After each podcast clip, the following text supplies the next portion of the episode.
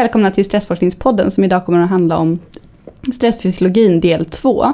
Och det här är en uppföljning då till avsnittet stressfysiologi del 1. Och i dagens avsnitt så kommer vi avhandla det andra stora stresssystemet, nämligen HPA-axeln och andra relaterade ämnen. I det här avsnittet kommer vi att intervjua en barnendokrinolog om HPA-axeln och eh, störningar i HPA-axeln och eh, vad det har för kliniska konsekvenser inte minst. Eh, och senare i avsnittet så ska vi också prata om en del kring hur man skulle kunna tänka och vad, som, vad man har sett kring HPA-axeln och psykiatriska tillstånd. och som vanligt är det du och jag, Mats, som mm. håller i det här. Mm. Kul att du är med idag igen. Mm. Hej, tack. Eh, men vi kanske ska börja med att lyssna på intervjun med Anna Nordenström som vi gjorde här om veckan. Eh, och ljudet blev ju tyvärr lite sådär. Eh, så att vi kommer klippa i den här intervjun på några ställen, men vi hoppas det ska gå bra ändå. Mm. Och dagens forskargäst är Anna Nordenström. Hej Anna! Hej! Har du kanske lust att presentera dig själv för lyssnarna? Ja, jag är barnläkare i Stockholm och jobbar på Karolinska och jobbar framförallt med barnendokrinologi. Och är också forskare här på Karolinska. Jättekul att du är med i podden idag. Och Mats är med som vanligt här också. Ja, det är jag. Och endokrinologi, läran om? Läran om hormoner. Ja, det visste alla tror jag. Ja. och vi ska ju prata om, om eh, hormoner idag. Det är ju ja. det som kommer. Eh, och eh, vi brukar ju ha en kulturkoppling i alla våra avsnitt och dagens kulturkoppling är det som man kallar för humoralpatologin. Nämligen en teori som, ja, den har väl funnits åtminstone sedan antiken tänker man med idén om att eh, kroppen ska vara i balans mellan eh, framförallt eh, olika egenskaper som torrt och ehm, eh, torrhet och, och våthet och eh, värme och köld.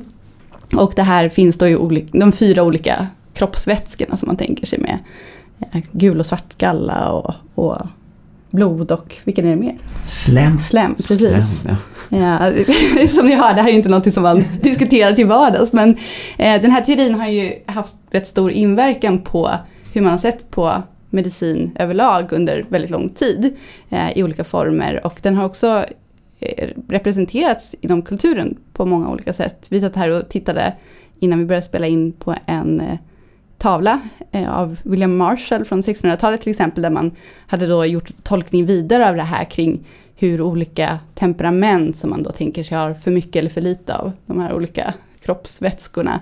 Och till exempel vad, vad olika personer beroende på de här kroppsvätskorna ska äta och dricka till exempel för att må bättre. Eh, och det finns andra exempel också. Mats, du hade hittat ett exempel som relaterade till Shakespeare, visst var det så? Kring det här. Jo, men jag tror det finns avspeglat i olika kulturyttringar ganska mycket den här idén som för övrigt låter ju ganska attraktiv. Eller visst vore det enkelt då? jag också det, kunde vi inte hålla oss kvar vid den där humoralpatologin. Eh, nej men, och då inte minst då kopplingen till, till melankoli och nedstämdhet och att känna sig blå sådär. Då har man ju använt uttrycket att man har splin. Och splin betyder ju mjälte. Och där har vi då, och det har ansetts då vara kopplat då till överproduktion av svart galla. Ja, det, det stämmer. Va? Ja. Så att jag minns när jag hoppade till över det här uttrycket när jag lyssnade på olika saker. Allt från Povel Ramel faktiskt som använde det uttrycket till kanske Karl Gerhard möjligtvis och olika sådana där kulturmänniskor. Sa de så att man hade splin. Och då var det en koppling till humoralpatologin. Och eh, ja, Shakespeare eh, Must I observe you? Must I stand and crouch under your testy humour? By the gods, you shall digest the venom of your spleen, though it do split you, for from this day forth I'll use you for my mirth, yeah, for my laughter, when you're waspish. Waspish där, det, det är stingande eh, ja, som en, en wasp. Någonting ja, nästan. Och så har vi ljummer där som då är vätska. Och sen så splin. Det är vackert uttryck tycker jag. Verkligen. Ja, men som sagt, det har ju återkommit i olika former och jag tror att eh, eh, det finns ju ändå paralleller till hur man ganska länge har sett på, på hur kroppen fungerar och det här att man ska vara i balans mellan, mellan olika kanske inte nödvändigtvis kroppsvätskor på det sättet eller kvaliteter som, som köld och värme och, och torrhet och eh, vätska eller våthet på det sättet. Och eh, ett system som är viktigt just för att upprätthålla eh, den här balansen, eller homeostas som vi brukar prata om, är ju just eh, det hormonsystemet, HPA-axeln, som är inblandad i stressresponsen. Eh, och idag har vi ju som sagt en endokrinolog här som jobbar med hormoner, som är en avgörande del i det här. Eh, och jag tänker att alla kanske inte vet vad hormon är riktigt, så Anna, eh, vad är hormoner och vad gör de för någonting?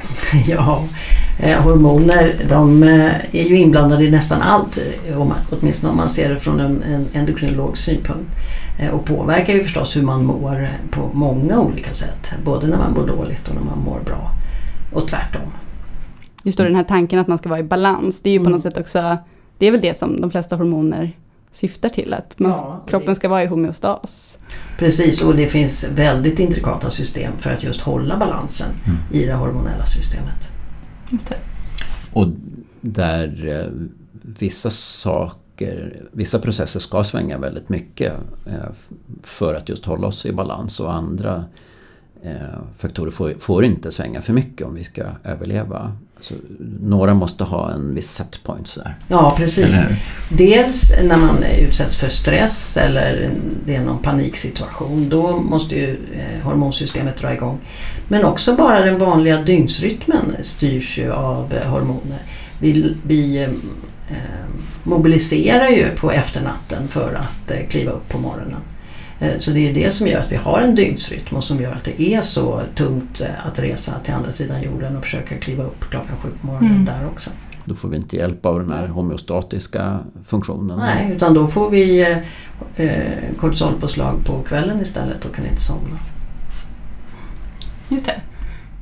Ja, intressant. Eh, vi tänkte, eftersom det här ska vara lite av ett eh, pedagogiskt avsnitt på så sätt att vi ska gå igenom HPA-axeln Eh, i detalj, så tänkte jag helt enkelt börja med att fråga dig, Anna, vad, vad HPA-axeln egentligen är och vad står det de här olika bokstäverna för? Ja, HPA-axeln är ju det uttryck som vi använder för balansen mellan hjärnan, hypofysen och binjurarna och hur de eh, styr.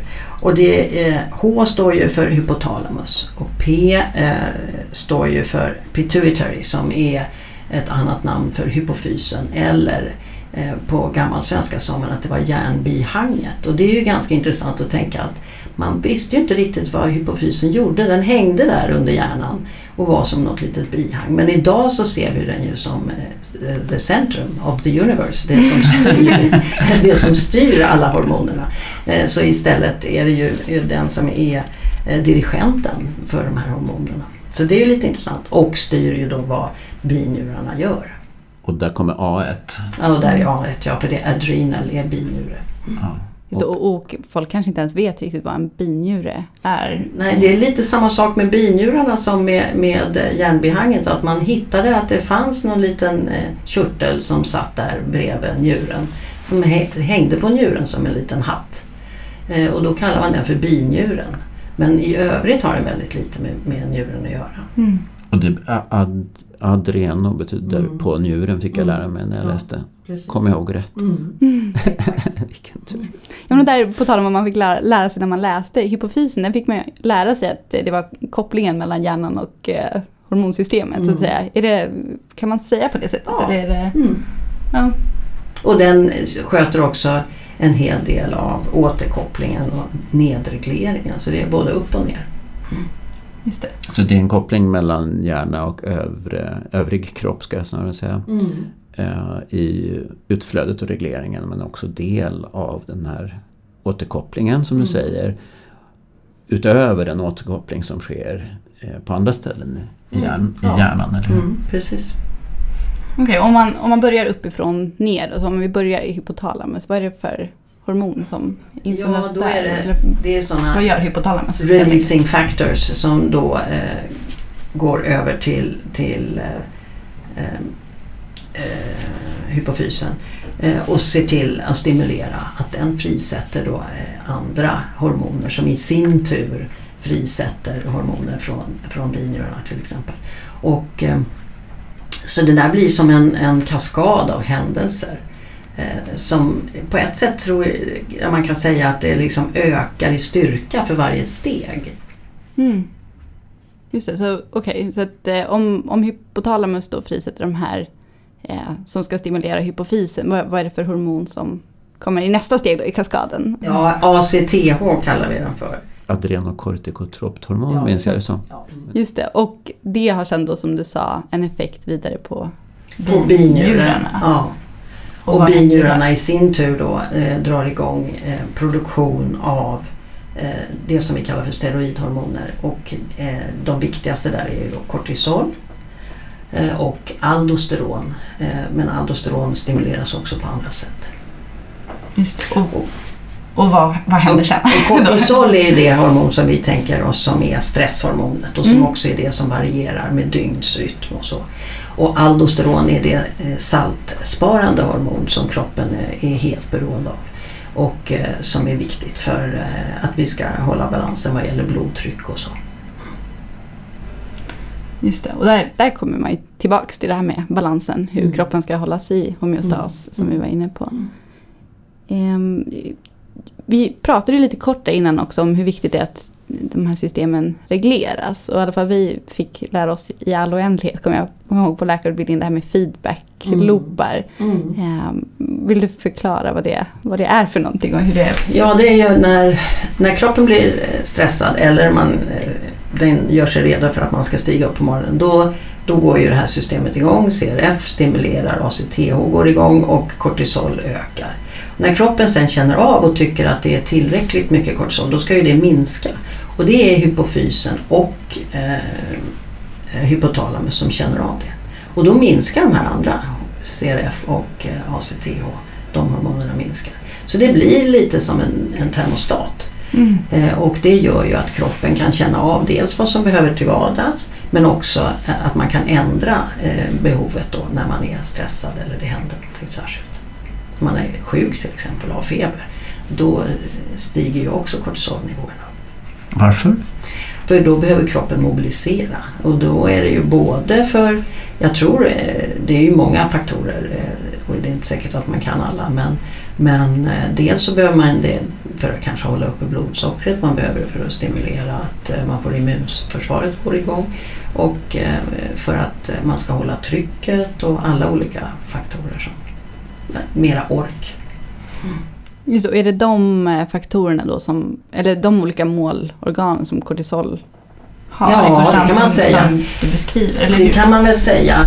Det är ju också viktigt, eh, ja, man kan läsa på i oändlighet. Jag kommer ihåg när jag gick läkarutbildningen då sa man att kortisol är väl inte så intressant att studera, där vet vi ju redan allt. Från stressforskningsområdet så har ja. det allt mer spritt sig en ja. acceptans av att vi inte vet särskilt mycket. Mm. Mm. De där enkla förklaringarna mm. vi hade om mm. att kronisk stress skulle vara förknippat med förhöjda hormonnivåer lätt mätbara mm. i blodet. Relativt lätt i alla fall. De, de håller inte. Nej.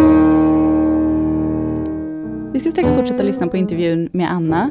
Men för att sammanfatta så kan man säga att HPA-systemet är alltså det system som eh, består av H som står för hypotalamus, P som står för hypofysen från engelskans pituitary och sen A som alltså är binjurebarken eller eh, som kommer från engelskans adrenal som då är binjuren.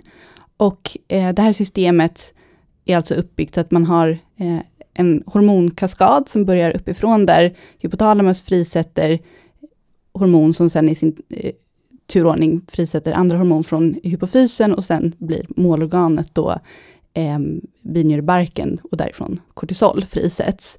Eh, och kortisol är ju liksom det som man brukar tänka på kanske som det, först, eller det mest primära stresshormonet, eh, förutom då de som vi pratade om i förra avsnittet om autonoma nervsystemet. Och eh, det är ju alltså inte bara kortisol som frisätts från binjurebarken, utan även eh, aldosteron, som är ett besläktat hormon, men som har eh, något andra eh, effekter kan man säga. Och eh, både de, eller det här systemet är ju viktigt för att upprätthålla kroppens balans, som vi var inne på. Eh, både att svara vid ökad påfrestning, som vid, vid, stress, vid en stressrespons, men också inblandat i, den, eh, i dygnsrytmen till exempel. Och eh, i förra avsnittet om stressfysiologi, 1 så pratade vi om ehm, autonoma nervsystemet. Och det finns en tydlig koppling mellan autonoma nervsystemet och HPA-axeln. Och vi frågade Anna lite mer specifikt om hur den här kopplingen ser ut. Kan du berätta mer om den interaktionen mellan autonoma nervsystemet och HPA-systemet? Alltså varför är adrenalin beroende av? Ja, en, en eh, skillnad är ju att eh, kortisol görs ju i, i eh, binjurebarken mm. och adrenalin produceras ju i binjuremärgen. Och då har det visat sig att under utvecklingen då så måste ju märgen differentieras och så att säga bli, får en förmåga att omvandla noradrenalin till adrenalin. Och den förmågan är beroende av kortisol. Så att om man inte producerar kortisol i sin binjurebark eh, då blir man inte bra på att göra adrenalin i binjuremärgen heller. Mm. Så Anna poängterar ju verkligen att HPA-systemet, kortisolsystemet och det autonoma nervsystemet samverkar på ett väldigt påtagligt sätt. Och eh, till exempel är det ju då så att adrenalinets effekter kan vara beroende av att kortisolet produceras och att kortisol behöver aktiveras och reaktiveras. Så det här är en dynamisk process i förhållande till, till behov och dygnsrytm och andra saker och balans i kroppen.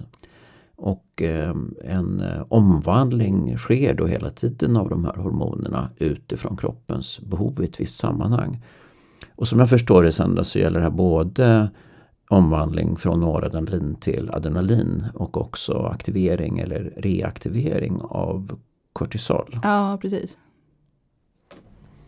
Folk säger så här ibland, jag har så höga, höga kortisonnivåer. Mm. Säger folk det?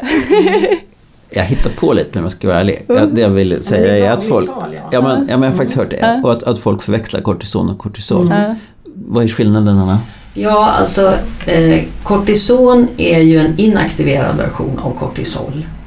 Eh, och eh, att man säger så i dagligt tal det beror nog på att när man, när man tar kortisol eh, i tablettform så kallar man den för hydrokortison. Eh, och eh, det är ju precis, det är ju samma molekyl. Eh, men eh, det, förkortar man hydrokortison så blir det kanske kortison. Så det är ju det man ofta säger. Mm. Sen berättar Anna också att en del personer är inte är så bra på att reaktivera kortisol, eh, alltså för att kunna återanvända kortisol. Och det leder till ett svar då där kroppen försöker kompensera genom att tillverka mer hormoner. Och den eh, kompensatoriska mekanismen startar ju högst upp i kedjan, alltså från hypotalamus, där det frisätts en ökad mängd av CRH. Eh, och eh, i nästa steg får man en ökning även från hypofysen med ACTH. Eh, och sen i binjurebarken där då syftet är att öka mängden kortisol. Men eftersom det finns flera hormon som delar de här första, steg i, första stegen i, i produktionen, så är det inte bara kortisoltillverkningen eh, som ökar, utan även eh, androgener, alltså manliga könshormon, som, som eh, har en likartad första del av, av processen. Så man kompenserar för den låga kortisolnivån mm. genom att dra på stegen före? Ja, så då man, måste man hela tiden nyproducera för ja. man är så dålig på att reaktivera. Aha, och då har det sekundära effekter då? Ja. Därför att de är androgener? Just det, de, många av de här förstegen i binjurebarkens produktion av kortisol har androgena effekter. Kan du ge ett exempel på en androgen effekt? Ja, man kan lukta mera svett, till exempel vuxensvett, eller man kan få mera finnar eller fett hår och mer kroppsbehåring. Mm. Ja, nu, man ska inte prata om sin egen familj. Men om vi tänker oss en tonåring Man brukar säga att tonåringar luktar på ett särskilt sätt. Har det med det här att göra? Som du ja, det är den typen av lukt. Den har ju man även när man är vuxen. Men just i tonåren så är det mera oordning i systemet kan man säga. Så då blir det ofta mer. Eh, då får man mer akne och mer eh, problem med sådana. Både flickor och ja. pojkar? Mm. Just det, det här är ju en eh, stressforskningspodd. så om vi lämnar våra familjemedlemmar tillfälligt. Nej men jag har inga som, de luktar faktiskt väldigt gott. Jag tänker efter. Bra där, om de lyssnar. Ja. Nej, men, eh, det här är ju som sagt en stressforskningspodd. Godare och... än jag lägger jag till. ja, det här är ju som sagt en stressforskningspodd och eh, HPA-axeln är ju inblandad i stressresponsen. Och vi har mm. varit inne lite på det. Men, men om vi ska försöka bena ut det. Vad, vad händer i HPA-axeln vid ett stresspåslag? Ja, då eh, drar ju eh, hypotalamus igång, hypofysen och sen så sätter binjurarna igång och eh, producerar kortisol. Och det kan bli ganska snabb, hög topp. Man kan gå upp från att man har nivåer på säg 200 nanomol per liter i, i eh, blod till 1000 eller ännu högre. Barn är ännu bättre än vuxna på att komma riktigt högt i, i kortisolnivåer. Och sen eh, om den där stresssituationen eh, så att säga avtar och då går ju systemet tillbaka till de lägre nivåerna. På eh, eftermiddag och natt har man ju normalt sett väldigt lite kortisol. Mitt i natten är nästan ingenting. Och sen mm. börjar det om, om igen då nästa morgon. Men om, om det kommer ett lejon då mitt på natten, kan man få till en lika då hög topp som mm. en annan typ av mm. ja. Fast eh, jag skulle vilja säga att, att binuraxeln, alltså HPA-axeln, är mera lätt triggad på morgonen. Eh, för då är den redan halvt igång. Liksom. Mm. Men om man jämför det här tidsperspektivet då med eh, autonoma nervsystemet som vi pratade om i ett tidigare avsnitt. För då mm. tänk, det här är lite segare. Det här är lite segare men ändå ganska mm. snabbt. Mm. Jag fick lära mig att det tog så 20 minuter innan man såg några skillnader. Innan den här, ja, stämmer det, kan, det? det kan det nog vara. Mm. Sen är det ju att det man ser skillnader i blod det är ju inte alltid det som händer inne i cellen för att eh, kortisol ska ju in i cellen. Det finns ju att binda till eh, olika eh, receptorer på, på själva DNA och mm. det ska liksom gå igång, mm aktiveras.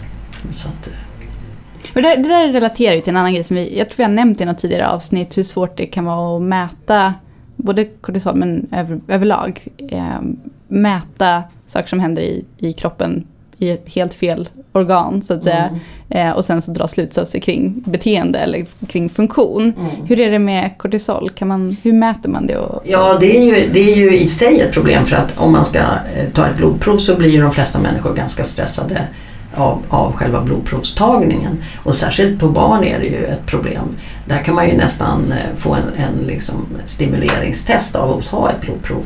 Eh, men det är ju viktigt att man tar det rätt tid på dagen. Mm. Och det är därför man också i, till stora delar har börjat försöka använda andra metoder. Man mäter kortisol i saliv till exempel för det blir man ju inte lika stressad av.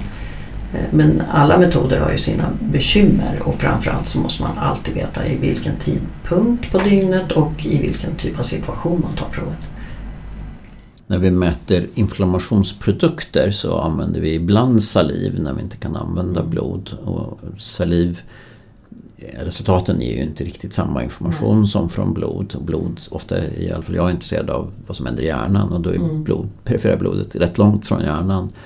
Och så använder vi saliv ibland och det är inte jättestark överensstämmelse mm. skulle jag säga. Det finns viss överensstämmelse mellan blodmått. Mm. Men hur är det med med kortisolet i salivet? Det, ger det liknande information det fast utan stress, ja. akuta stresseffekten? Det ger, det ger liknande information. Man kan ju till exempel använda eh, de gånger vi använder eh, salivkortisol är ju ofta när vi vill utesluta att ett barn eller en ungdom har eh, Cushing när man har en överproduktion av kortisol.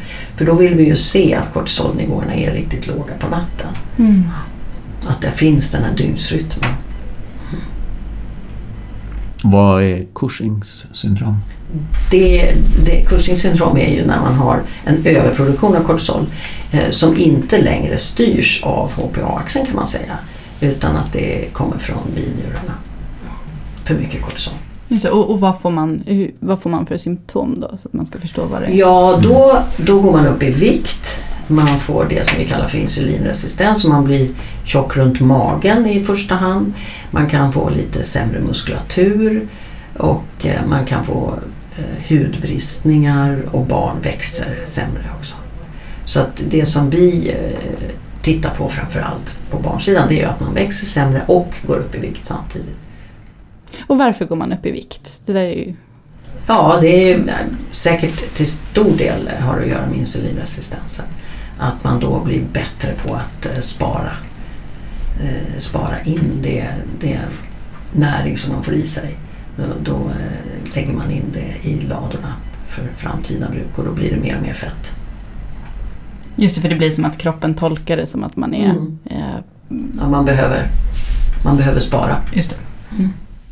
Om jag hoppar tillbaka lite till eh, effekten av en aktivering av HPA-systemet vid en, Mm. en stressreaktion. Vad, vad har vi för nytta av det? Kan du ge några exempel? Det här är ju en starkt eh, evolutionärt betingad process. Att vi i vissa situationer så har vi en viss typ av respons i kroppen med Mm. kortisolökningar. Varför? Ja, jag tror att uh, det är ju säkert många faktorer för kortisol är ju inblandat på, i så många, på så många sätt och vi vet inte exakt den mekanismen för alla. Men eh, man mobiliserar, man håller uppe blodsockret, man motbalanserar ju insulinet och man håller uppe blodsockret. Eh, Så att eh, eh det här att, att eh, och får man riktigt höga kortisolnivåer då håller man också uppe trycket, alltså blodtrycket. Då, då går man liksom förbi det här att man behöver aldosteron för att hålla uppe trycket. För man, man eh, har en större produktion än kroppen hinner inaktivera. Eh, och, eh, så det, det, det mobiliserar på alla, alla sådana sätt. Sen påverkar det ju även immunsystemet och frågan är i, i vilken eh, grad och när det påverkar immunsystemet positivt och när det blir negativt. Men, men i den akuta situationen så är det ju sannolikt så att man behöver kortisol. Precis, det triggar ju Mm.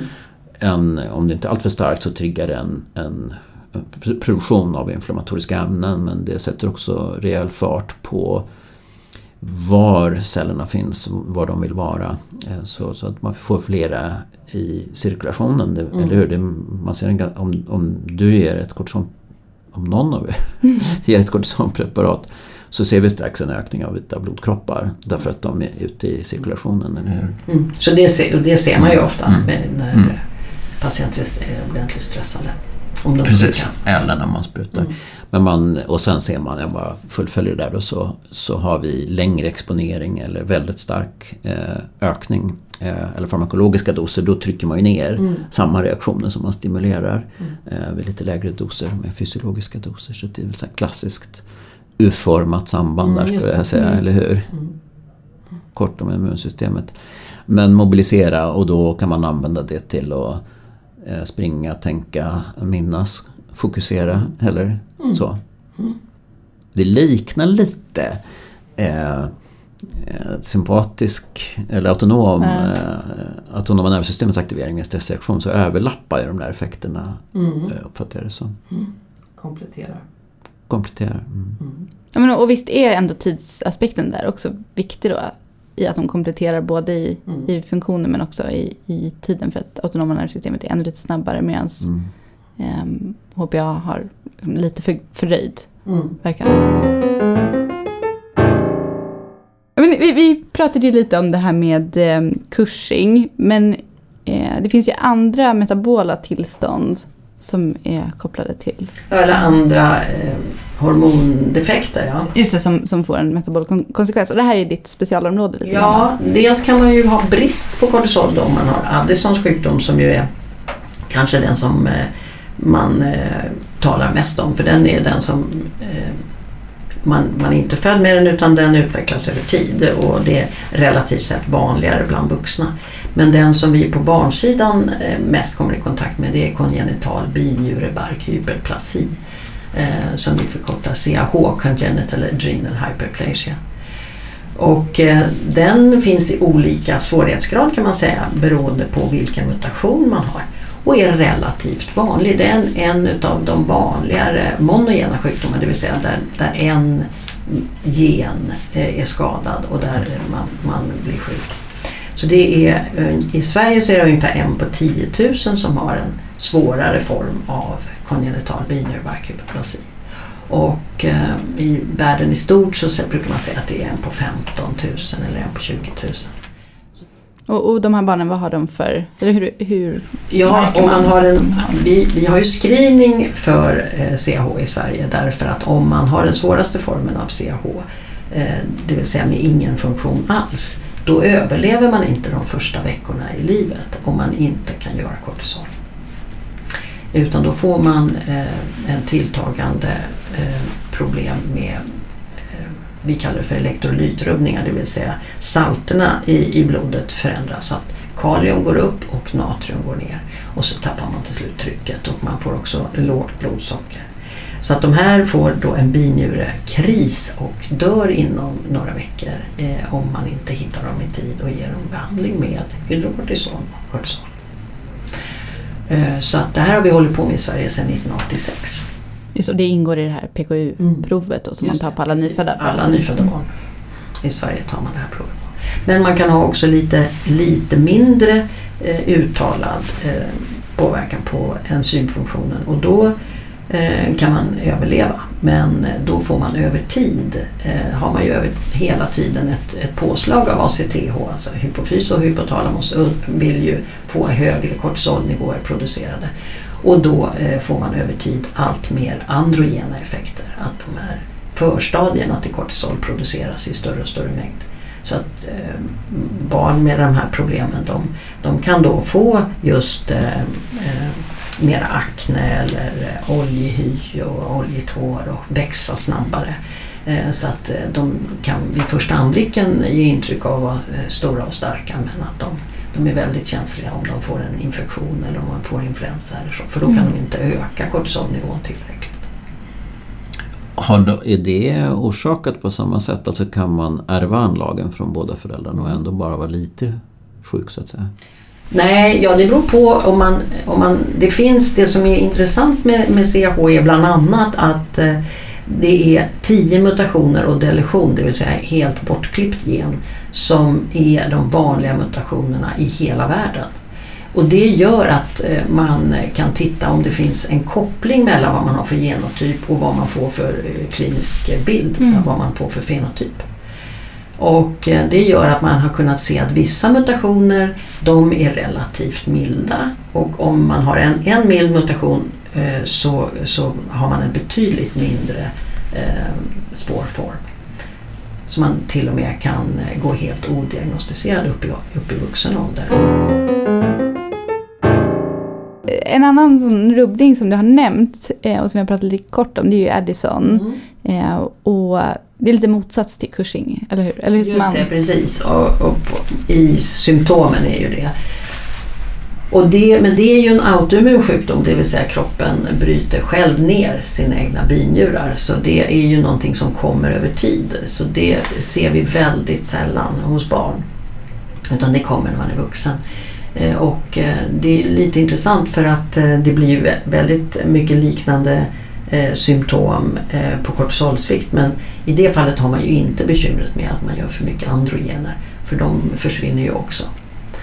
Just det. Och vad, vad, har de för symptom då i första hand? Ja, de blir trötta och sen får de ökad pigmentering.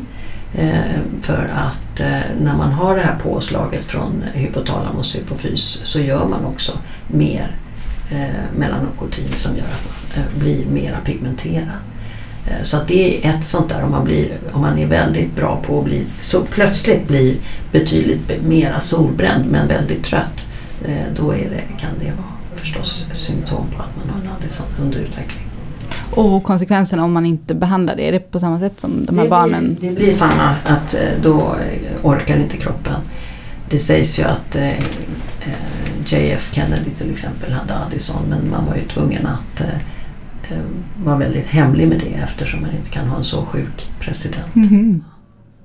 Ja, det visste inte jag. En annan aspekt som vi pratade med Anna om var mätningen av, av olika eh, hormoner och funktioner i HPA-systemet. Och överlag så kan man ju säga att man kan mäta kortisol då till exempel både i blod eller urin, man kan också mäta det i håret. Eh, och lite beroende på vilken, eh, eller från vilket eh, från vilken lokal man, man mäter, så får man ju ett olika tidsperspektiv på, på vad mätningen representerar. Eh, och en annan aspekt som vi diskuterade var skillnaden mellan att, att mäta kortisolnivåer vid vila och till exempel jämfört med vid en stressreaktion. Eller om man till exempel stimulerar med läkemedel som kan öka insändringen av hormon. Eh, och jag tror att vi kan säga att det har funnits ett stort intresse för mätningar av hormonnivåer som vi har varit inne på men att man kanske har sett allt mer komplexiteten i systemet även i ett stressperspektiv och därför allt mer testat eh, funktionen i systemet genom utmanare eller kanske mer långvarig utsöndring av hormonet kortisol. Och där är ju just hårkortisol ett sånt exempel. Verkligen. För där, kan, där, och där har man då en, en metod för att man klipper av hår på ett visst ställe på huvudet så standardiserat som möjligt och sen kan de här sparas på ett billigt och enkelt sätt. De behöver inte frysas in de här proverna.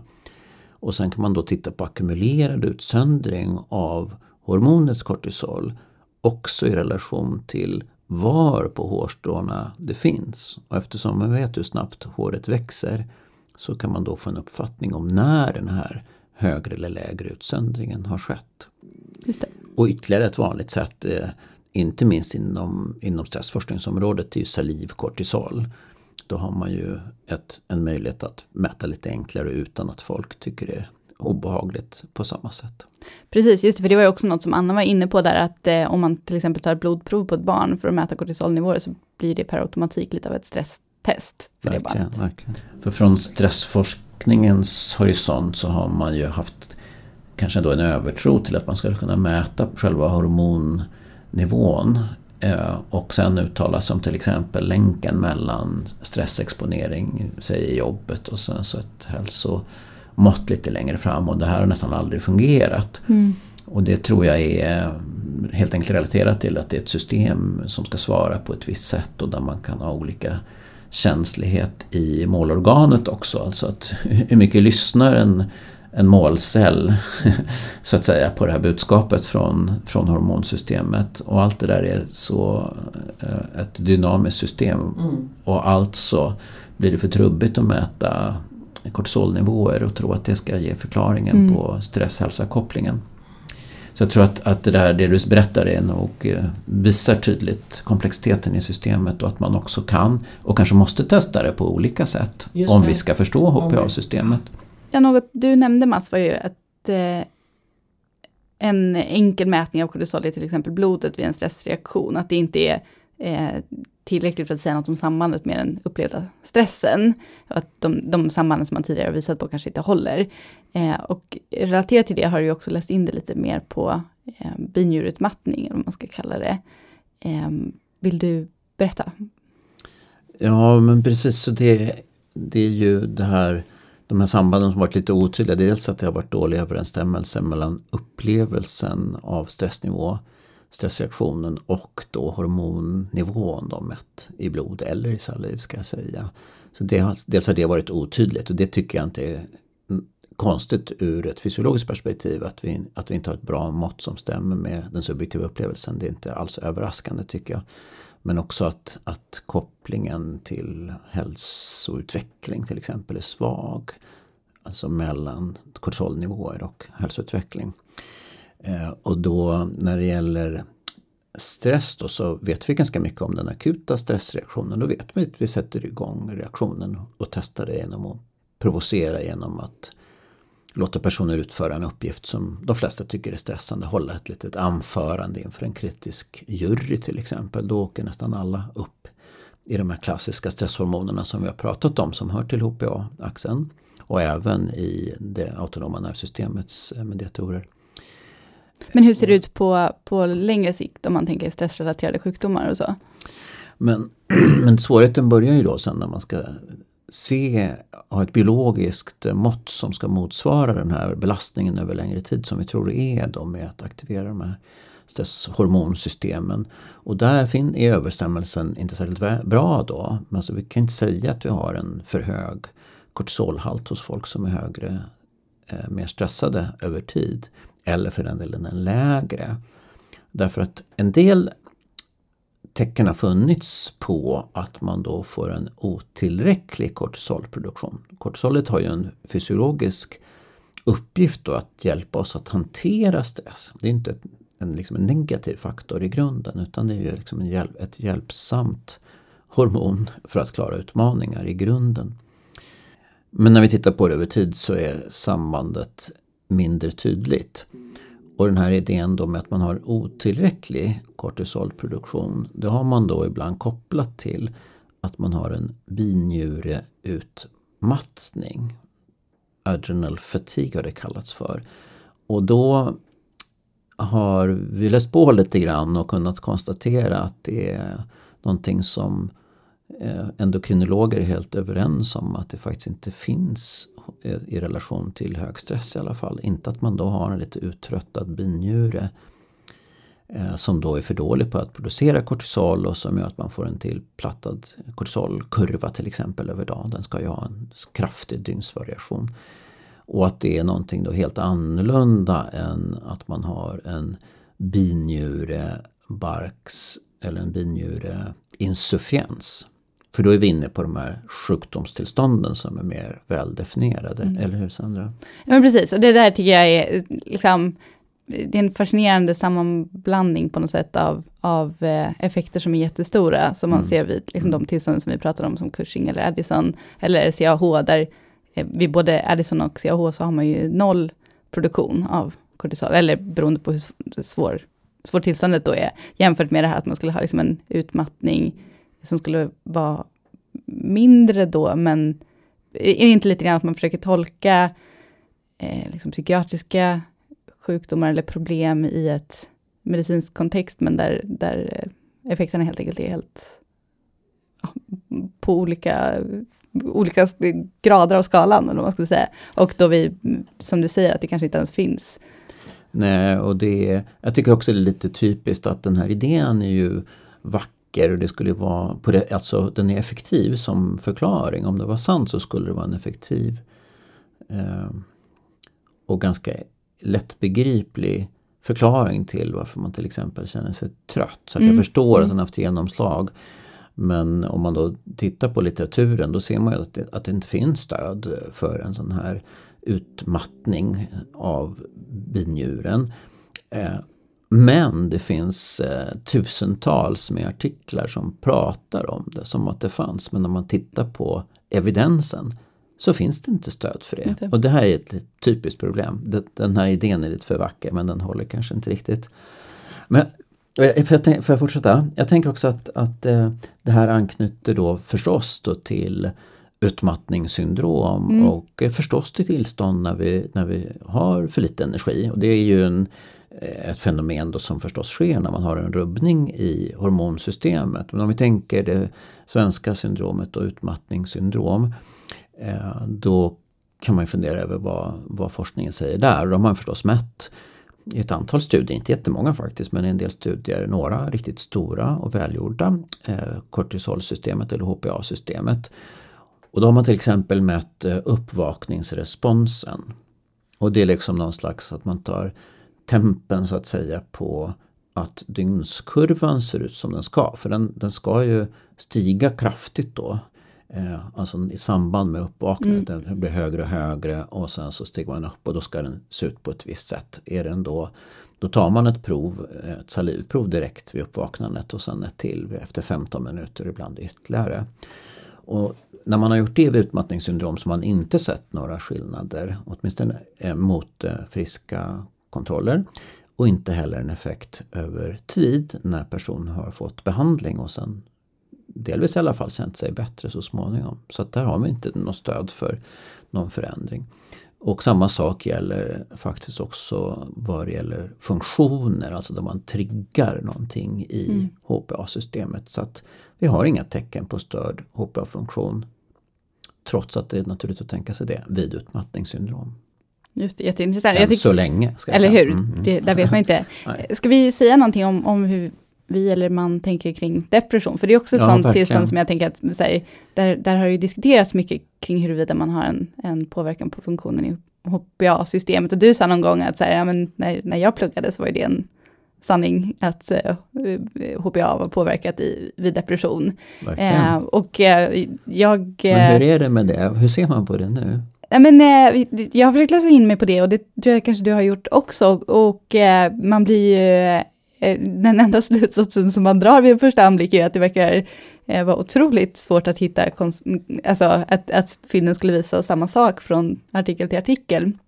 Där vissa hävdar att det finns en eh, överproduktion vissa hävdar att det finns en underproduktion. Och om man tittar i metaanalyser så finns det liksom olika typer av förklarings förklaringsmodeller där vissa hävdar att det är, liksom depression i sig då som skulle vara associerat med eh, förändringar i HPA-systemet, men vissa andra hävdar att men det är kanske inte depressionen i sig, utan det skulle kunna vara till exempel en sån grej som tidiga livstrauman eller sådär som är associerat. Så att eh, forskningsfältet verkar vara lite av en djungel.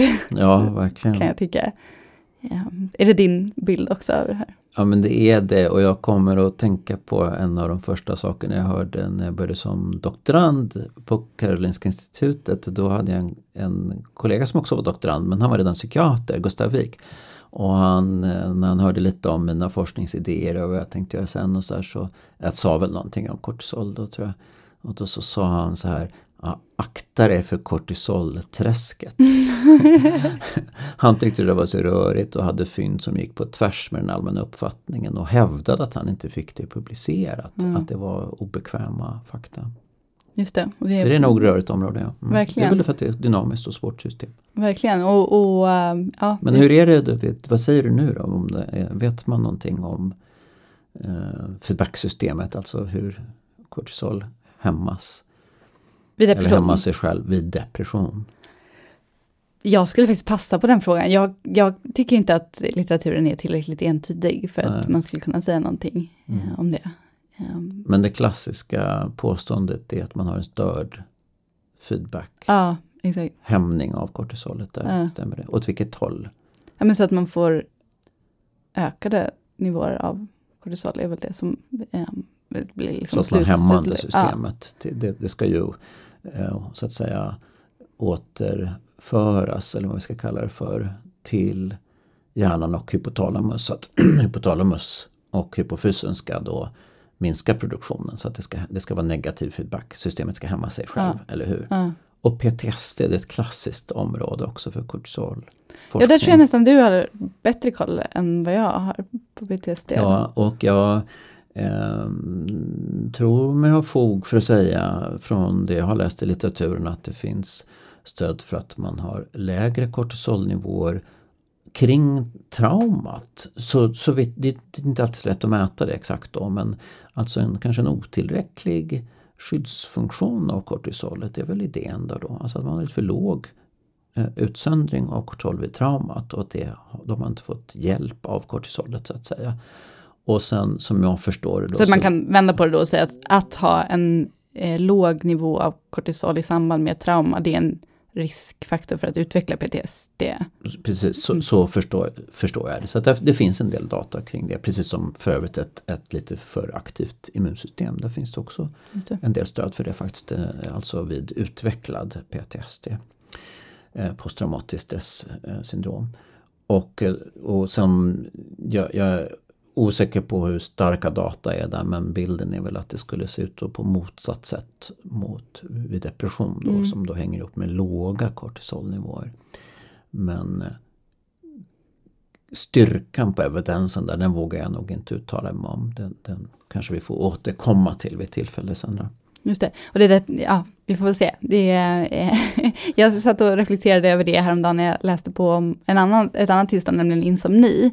Eh, där det också finns en idé kring mm. det här med, eh, och där är idén tvärtom då att, eh, eller ja, helt enkelt att, att eh, insomni brukar ju ses som en problematik att man är för uppe i varv eller att man har svårt att komma ner i, i liksom att man har en hyperarousal som man kallar det. Och att det då skulle vara kopplat till något förhöjda kortisolnivåer så att man hela tiden har en, ett påslag mm. i det här systemet. Eh, och det, vad jag kunde hitta där så, så finns det en relativt välgjord metaanalys som möjligtvis tyder på det. Eh, men där är det också intressant att eh, hur stor effekten är beror kraftigt på vilken, eller var man mäter kortisolet. Så de studierna som har använt blod visar på högre nivåer än, än till exempel urin tror jag var. Och det som slog mig när jag läste kring det här var att det finns mycket mindre gjort på insomni och kortisol än både depression och PTSD. Eh, och att det kanske är så att ju mer, man, eh, ju mer data som kommer fram, desto otydligare blir bilden. Eh, att depression är kanske där man har haft flest studier och där börjar vi nu se att så här, nej men, eh, ja, vi får inte ihop bilden.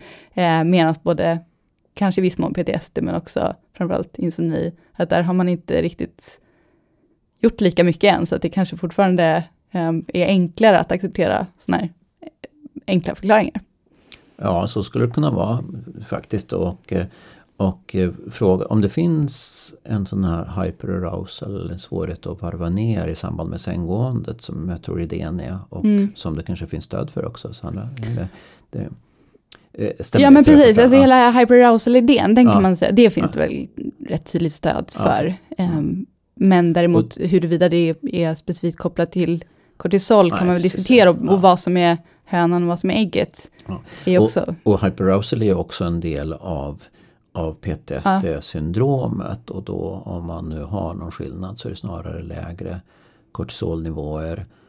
Men återigen, eftersom det är ett dynamiskt system så vet vi inte om det om hormonnivån eh, är liksom det vi ska mäta. Det är klart om vi testar feedbackhämning, det vill säga att vi ger ett ämne som ska trigga en ökad eller för den delen minskad produktion av kortisol. Då testar vi effektiviteten i systemet. Men om vi mäter bara hormonet så kanske det är för, ett, litet titt, ett för litet Verkligen. titthål in i ett superkomplicerat och dynamiskt system. Och när det gäller arousal då kanske vi minst lika mycket eller kanske snarare tänker på eh, autonoma nervsystemet mm. och noradrenalinets mm. effekter, eller hur? Så att hyperarousal-idén kan ju stämma även om vi inte ser en skillnad i Exakt, kortisolhormonet. Exakt, exakt. En enkel mätning. Och på något sätt också hur det där, en annan sån aspekt som vi var inne lite tidigt på är ju att eh, kortisol har en tydlig dygnsrytm och hur det där interagerar både med eh, liksom vid normaltillstånden och hur man reagerar på en stressreaktion till mm. exempel. Mm. Det är en sak, men också hur det då kopplar ihop med de här tillstånden som vi är intresserade av. Tänk om man, alltså som vid insomni till exempel verkar det som att det finns lite bättre stöd snarast för att man skulle ha höga nivåer av kortisol då dagtid. Och det är ju egentligen inte då man har eh, sitt sömnproblem, nej, även om dagtidsfunktionen, nej, hur den är påverkad är en av mm. huvudaspekterna. Så jag tror att det finns väldigt mycket mer att, att forska vidare på där. Mm. Eh, och eh, vi tänkte ju faktiskt i ett kommande avsnitt så småningom prata om den här just kopplingen mellan sömn och stress. Eh, och då kanske vi kommer in på vissa av de här grejerna igen. Ja men det tror jag det är ett ämne vi behöver fördjupa oss i. För det är också ett sånt ämne som är superviktigt för människor.